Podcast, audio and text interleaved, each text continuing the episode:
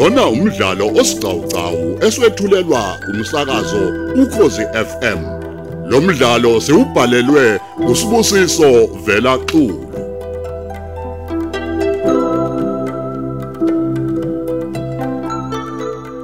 Lalela eseshumi nanhlanu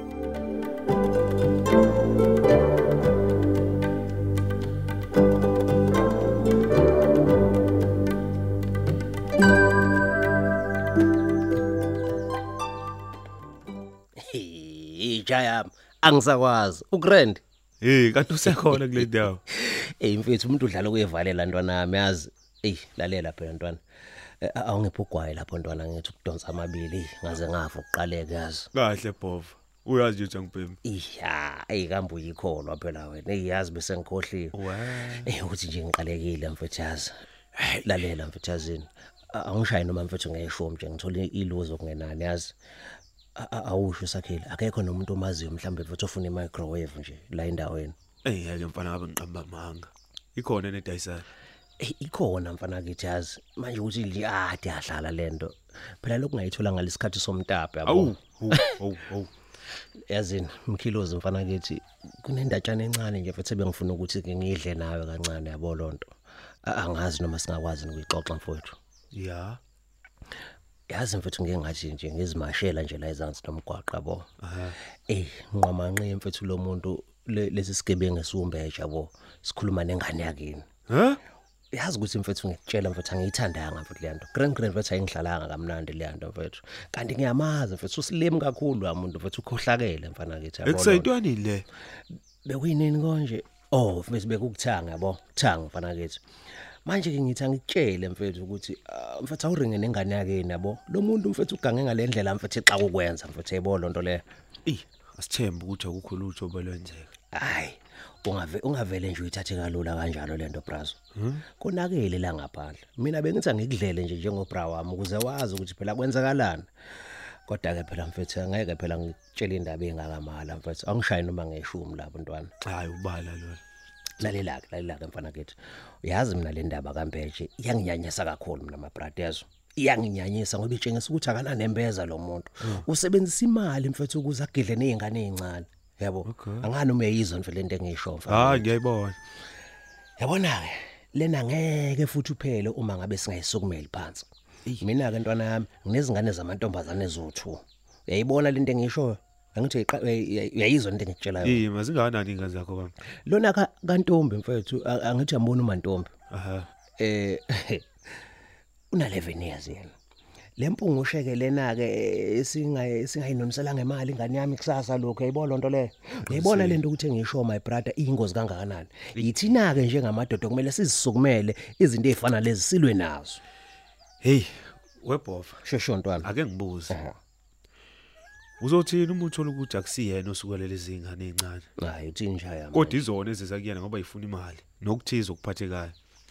lalela nje yami ivari vele leyo uyabona kodwa ke ingane mfethu ingane uyayithola lento engizama ukutshela yona ntwana Sure. manje ke indlala ibhokile siyakwazi sonke lokho mfana kithi Nokuthanda izinto futhi kubhokile.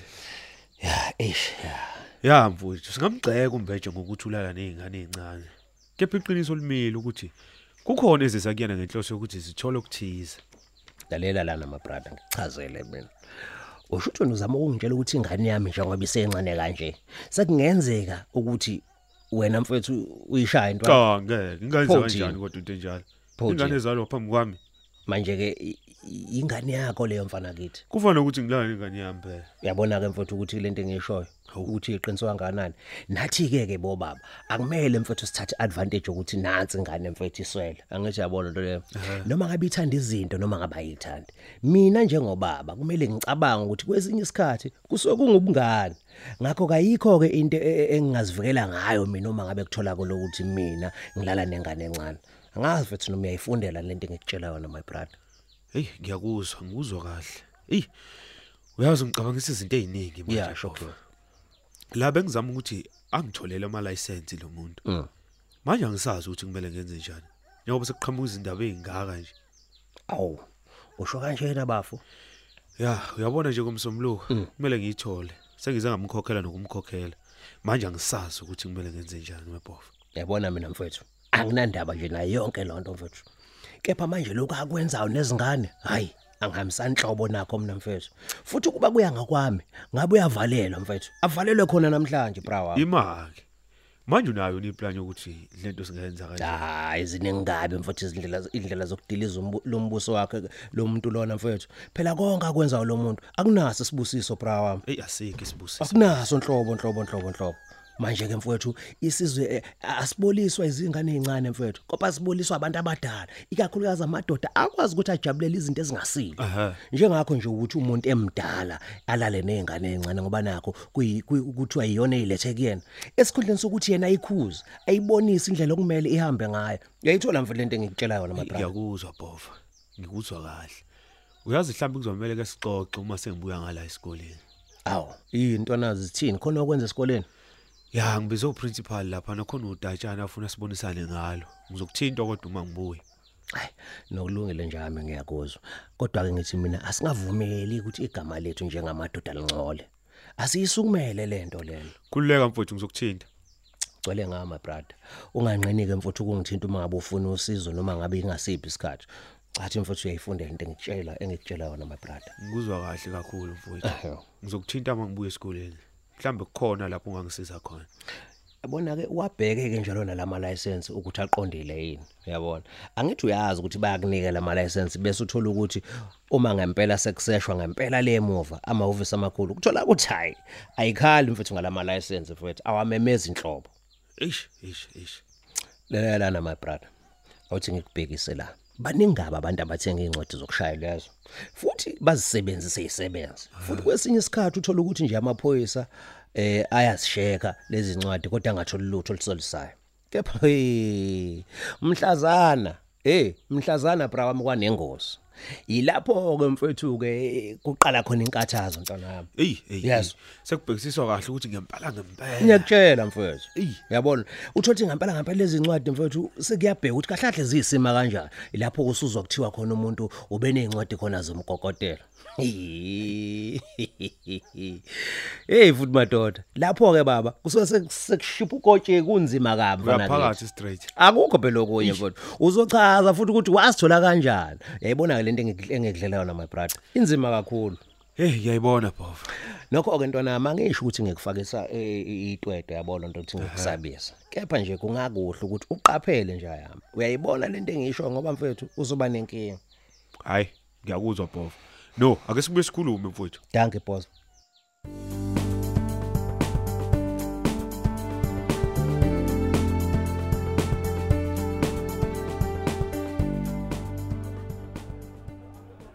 Ya. Untokozo uthe ufuna ukukhuluma nami. Yebo Themba. Uthini ke? Usukhathele ungenza isilima sakho. Cha. Uyazi wena uthini? Bengifisa nje ukuthi ngicela ungixolele. Ngixolela ukuthini?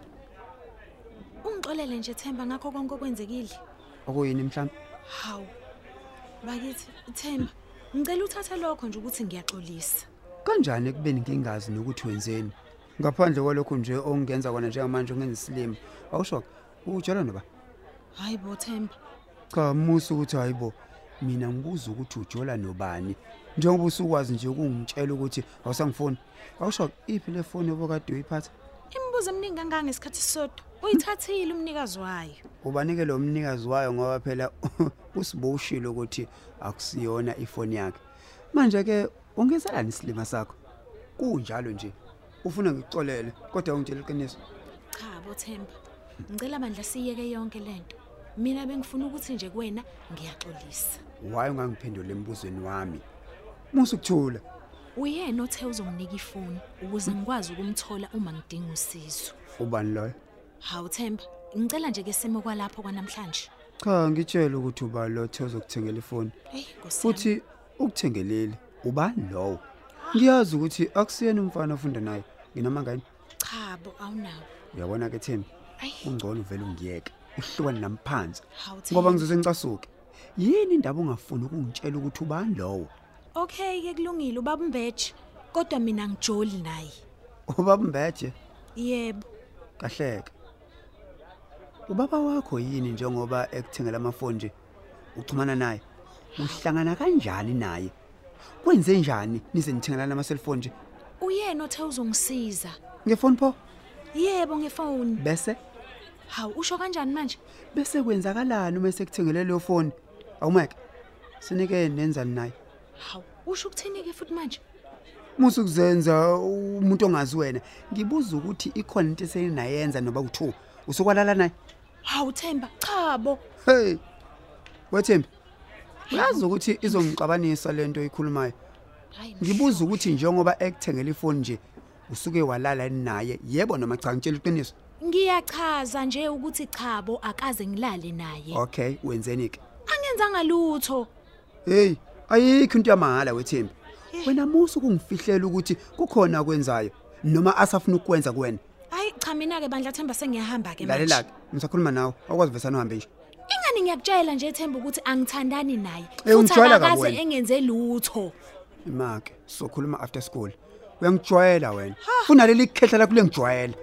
Ngizoqonda ngqo.